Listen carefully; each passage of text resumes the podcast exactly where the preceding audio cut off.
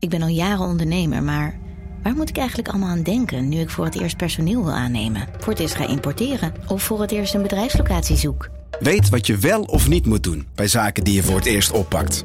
Check kvk.nl voor praktische stappenplannen. KVK, hou vast voor ondernemers. Vanaf de redactie van NRC het verhaal van vandaag. Mijn naam is Thomas Ruip.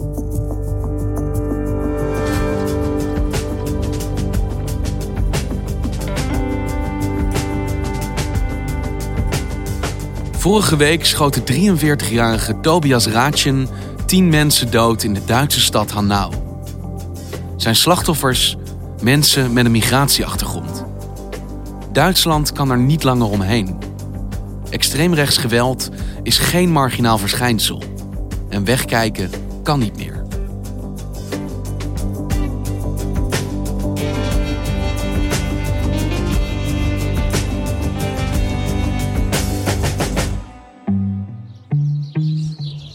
Ik ben geweest in Kesselstad, in een wijk uh, van, van Hanau.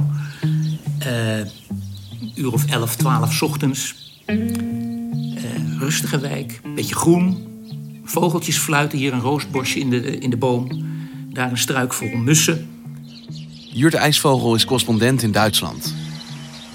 De plantsoenendienst is bezig met een hoogwerker om takken uit bomen te zagen. Er zijn wel wat mensen op straat, maar het is eigenlijk, eigenlijk vrij rustig. En het, het ziet eruit als een wijkje. Ja, zoals er eigenlijk veel zijn in Duitsland. In de jaren 70 gebouwd. Hier en daar een paar flats van 4, 5 hoog. Ook een paar hogere flats. Een kleuterschooltje en een winkelcentrum. Met, zoals je dat dan ook vaak ziet, zowel een Lidl als een Turkse supermarkt. Eigenlijk, ja, rustig. Het ziet eruit als een prettig, prettig wijkje.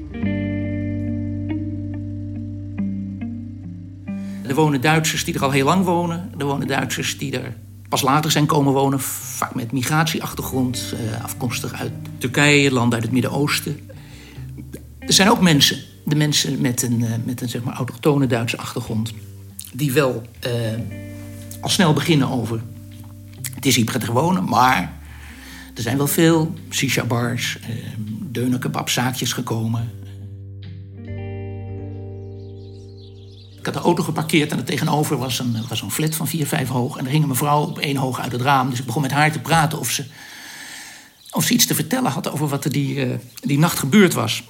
En zei, oh, dan moet je uh, bij meneer Becker zijn. En meneer Becker zei, oh, onze buurvrouw, mevrouw Schutske, die heeft het allemaal meegekregen.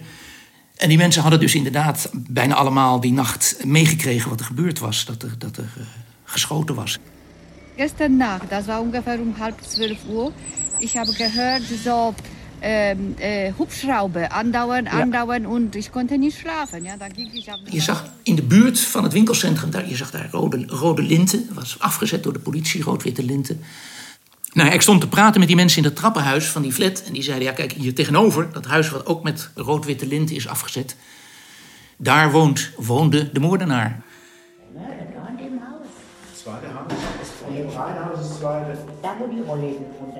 Dat huis waar die rolluiken zijn neergelaten, rijtjeshuis. Daar woonde Tomias Raatjen, de man die afgelopen nacht, zeiden ze, uh, tien mensen heeft doodgeschoten. In Hanau sind gestern Abend zehn Menschen durch Schüsse getötet worden, darunter wohl viele mit einem Migrationshintergrund. Het gebeurde dus in de stad Hanau, zo'n 20 kilometer ten oosten van Frankfurt. When a 43-year-old gunman opened fire on two hookah bars.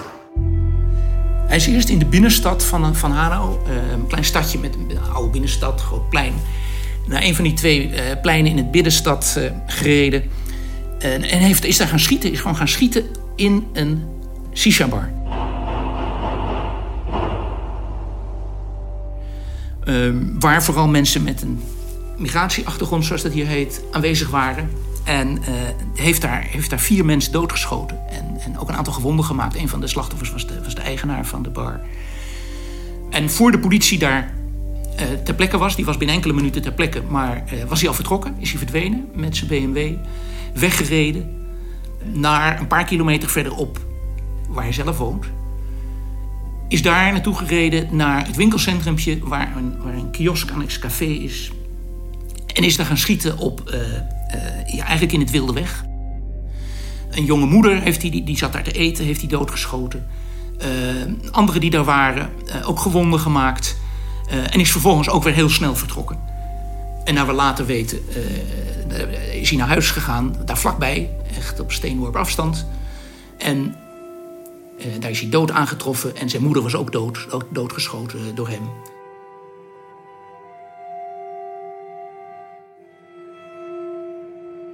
En wat is er inmiddels bekend geworden over waarom hij dit gedaan heeft?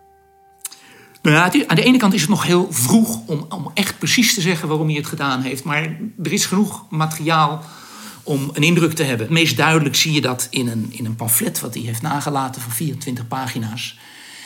Eh, in dat pamflet gaat het over uh, uh, ja, de, de bedreiging van het Duitse volk door mensen met een andere achtergrond, die niet alleen in Duitsland, maar ook elders in de wereld uitgeroeid moeten worden. Tegelijkertijd gaat het in dat pamflet over dat hij eigenlijk vanaf zijn vroegste jeugd wist dat hij in de gaten werd gehouden door geheime diensten. En niet in de gaten werd gehouden met, met, met camera's of richtmicrofoons, maar die waren in zijn brein binnengedrongen. Een duidelijke man die leed aan, aan ernstige wanen. En dit pamflet was een soort afscheidsbrief? Ja, uh, er, is ook, er zijn ook video's van hem uh, gevonden. Die, die bleek hij al twee dagen eerder ook geplaatst te hebben. In een van die video's richt hij zich bijvoorbeeld uh, in zijn, tot het Amerikaanse volk, ook in het Engels. Your country is under control of invisible secret societies. They use unknown evil methods like mind control en uh, eindigt met de oproep dat ze, dat ze moeten gaan vechten. Fight now zijn zijn laatste woorden in die oproep. Dus het is iemand die denkt dat hij. Het was iemand die denkt dat hij uh, de taak had om de wereld te redden. En ook om het Duitse volk, het Germaanse volk te redden. En uh, dat daarvoor hele drastische maatregelen nodig waren. En nou ja, daar is hij zeer uitgesproken in. En je kan dus wel zeggen, sommige mensen zeggen: ja, het is een geesteszieke, dat, dat, dat moet je niet politiek duiden. Aan de andere kant zijn ook mensen die zeggen: ja, maar kijk eens naar al die racistische dingen die hij daar opschrijft. Dat komt ook ergens vandaan en dat is duidelijk een uiting van rechtsextremisme wat je nu en racisme wat je nu in de Duitse maatschappij veel vaker ziet. En de buurtbewoners die jij sprak in zijn wijk, kenden die hem? Wat wisten die van deze man die dus onder hen woonde? die overburen, die zeiden ja, je, je zag hem soms, maar niet veel. Uh, maar goed, die woonde er tegenover en die zei... Ja, zijn moeder werd verzorgd door... door er kwam regelmatig verpleging aan huis. Dat waren ja, Turkse of Turks-Duitse vrouwen... die daar van de dagzorg uh, die moeder kwamen verzorgen. En dus vrouwen met ook een migratieachtergrond... die uh, kennelijk een belangrijke rol hadden in het leven van dat gezin. Maar dat, ja, dat soort dingen vertelden de buren dan. de vader zagen ze eigenlijk ook weinig... In verschillende Duitse media lees je dat uh, ja, de familie veel tegenslag heeft gehad. Niet alleen omdat de moeder ziek was, maar ook omdat de vader zijn baan zo kwijt zijn geraakt. En nou ja, de, de, financiële situatie slecht was van de familie, waardoor de vader, daar klaagt deze Tobias Raadje ook over in zijn pamflet, dat zijn vader op zijn zeventigste om rond te kunnen komen en eh, de huur te kunnen betalen, uh, nog moest werken. En hoe duiden de autoriteiten in de Duitse politiek die daden nadat hij ze gepleegd heeft? Ik zat op de, op de bank bij een Turkse mevrouw, die, of een mevrouw van Turkse origine, die op haar vijfde naar Duitsland was gekomen. Uh, en die had natuurlijk de televisie aanstaan, een groot scherm aan de muur. En daar verscheen opeens uh, natuurlijk mevrouw Merkel op. Doch wijst derzeit vieles darauf hin, dass der Täter aus rechtsextremistischen, rassistischen Motiven gehandelt hat. Uh, en zij zei, ja, wat hier gebeurd is, heeft alle kenmerken van een racistische, extreemrechtse daad. Rassismus ist ein Gift. Der Hass ist ein Gift. Und dieses Gift existiert in unserer Gesellschaft. En dat ze zo duidelijk zulke grote woorden gebruikt. Dit is een gif. En het is een gif dat in de samenleving bestaat. Zo duidelijk heb ik het nog niet gehoord.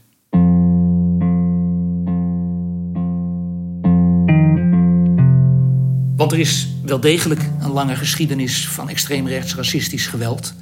En ook van de overheid die daarbij weg heeft gekeken, niet goed heeft opgelet en het heel lang heeft laten gebeuren. Want wij spraken elkaar afgelopen zomer in deze podcast. En toen ging het over de moord op Walter Lübke, een politicus die ook uit extreme rechtse uh, overtuigingen is vermoord. En toen beschreef jij dat er heel veel aarzeling eigenlijk was om die link te leggen met een breder maatschappelijk probleem. Is dat dan nu een verschil? Is die schroom eraf? Uh, eigenlijk die moord op die Walter Lübke in juni 2019. Uh, ja, toen kwam het opeens ook voor de politici heel dichtbij. Ik sprak de advocaat Mehmet uh, Turks-Duitse advocaat. Die zei, nou ja, het, er moest, eerst moest er iemand gedood worden uit wat hij noemde de, de meerderheidsgroep in de samenleving. De, de, zeg maar, de autochtone Duitsers. Voordat de autoriteiten dit probleem echt serieus begonnen te nemen. Lange tijd was dat, dat echt uh, een beetje onder de radar.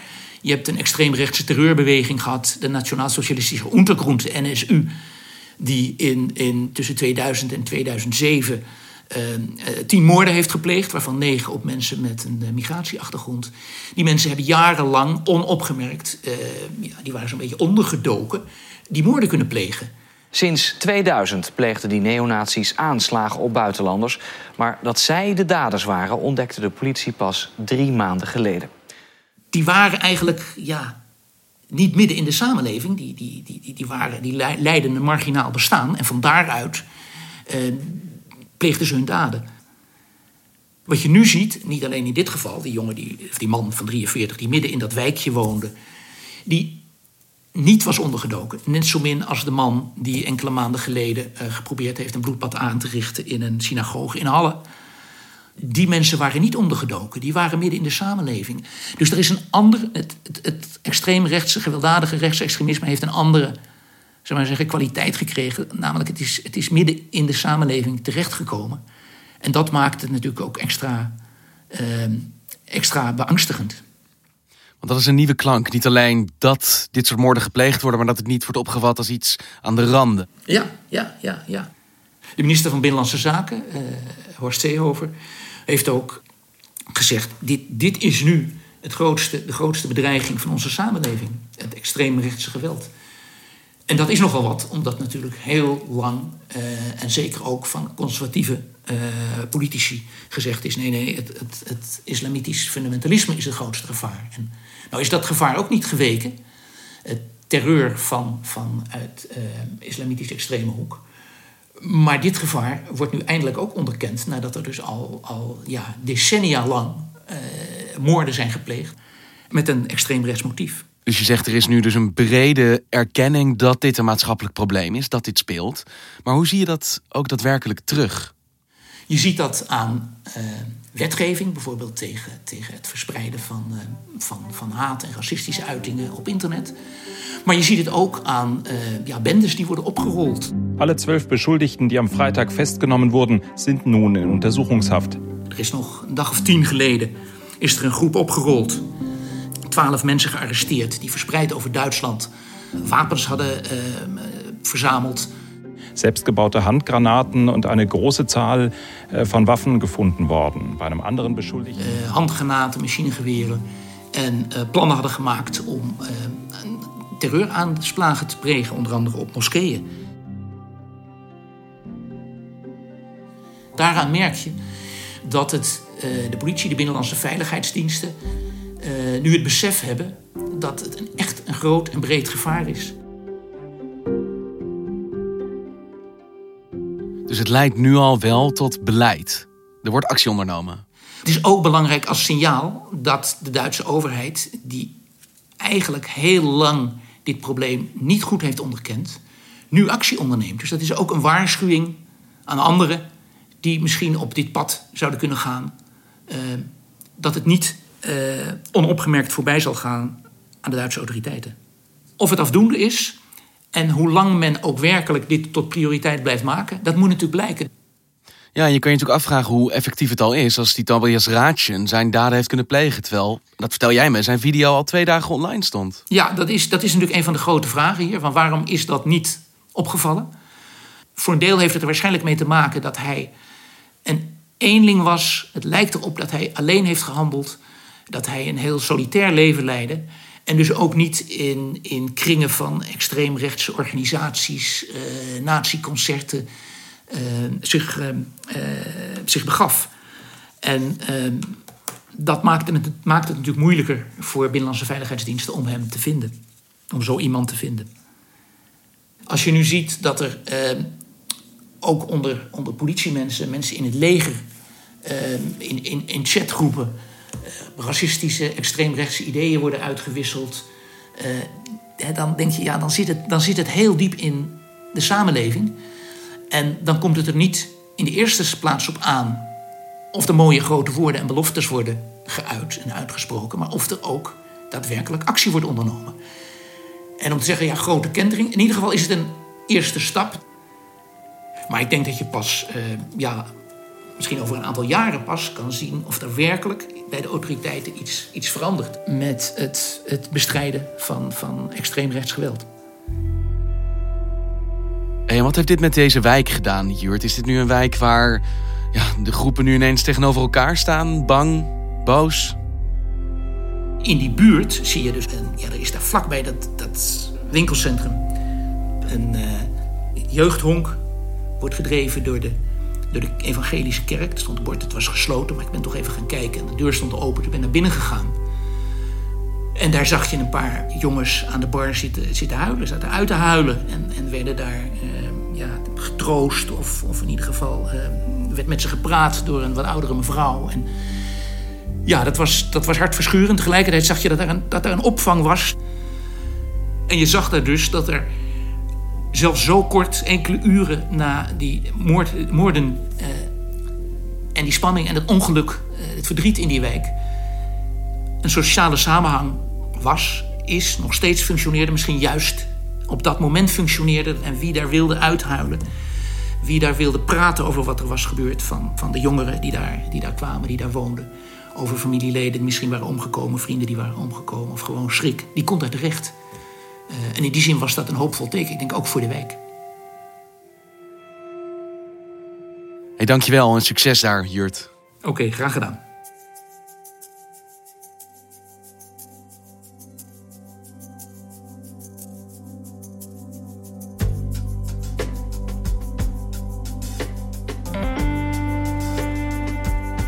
Je luisterde naar vandaag, een podcast van NRC. Eén verhaal, elke dag. Dit was vandaag, morgen weer.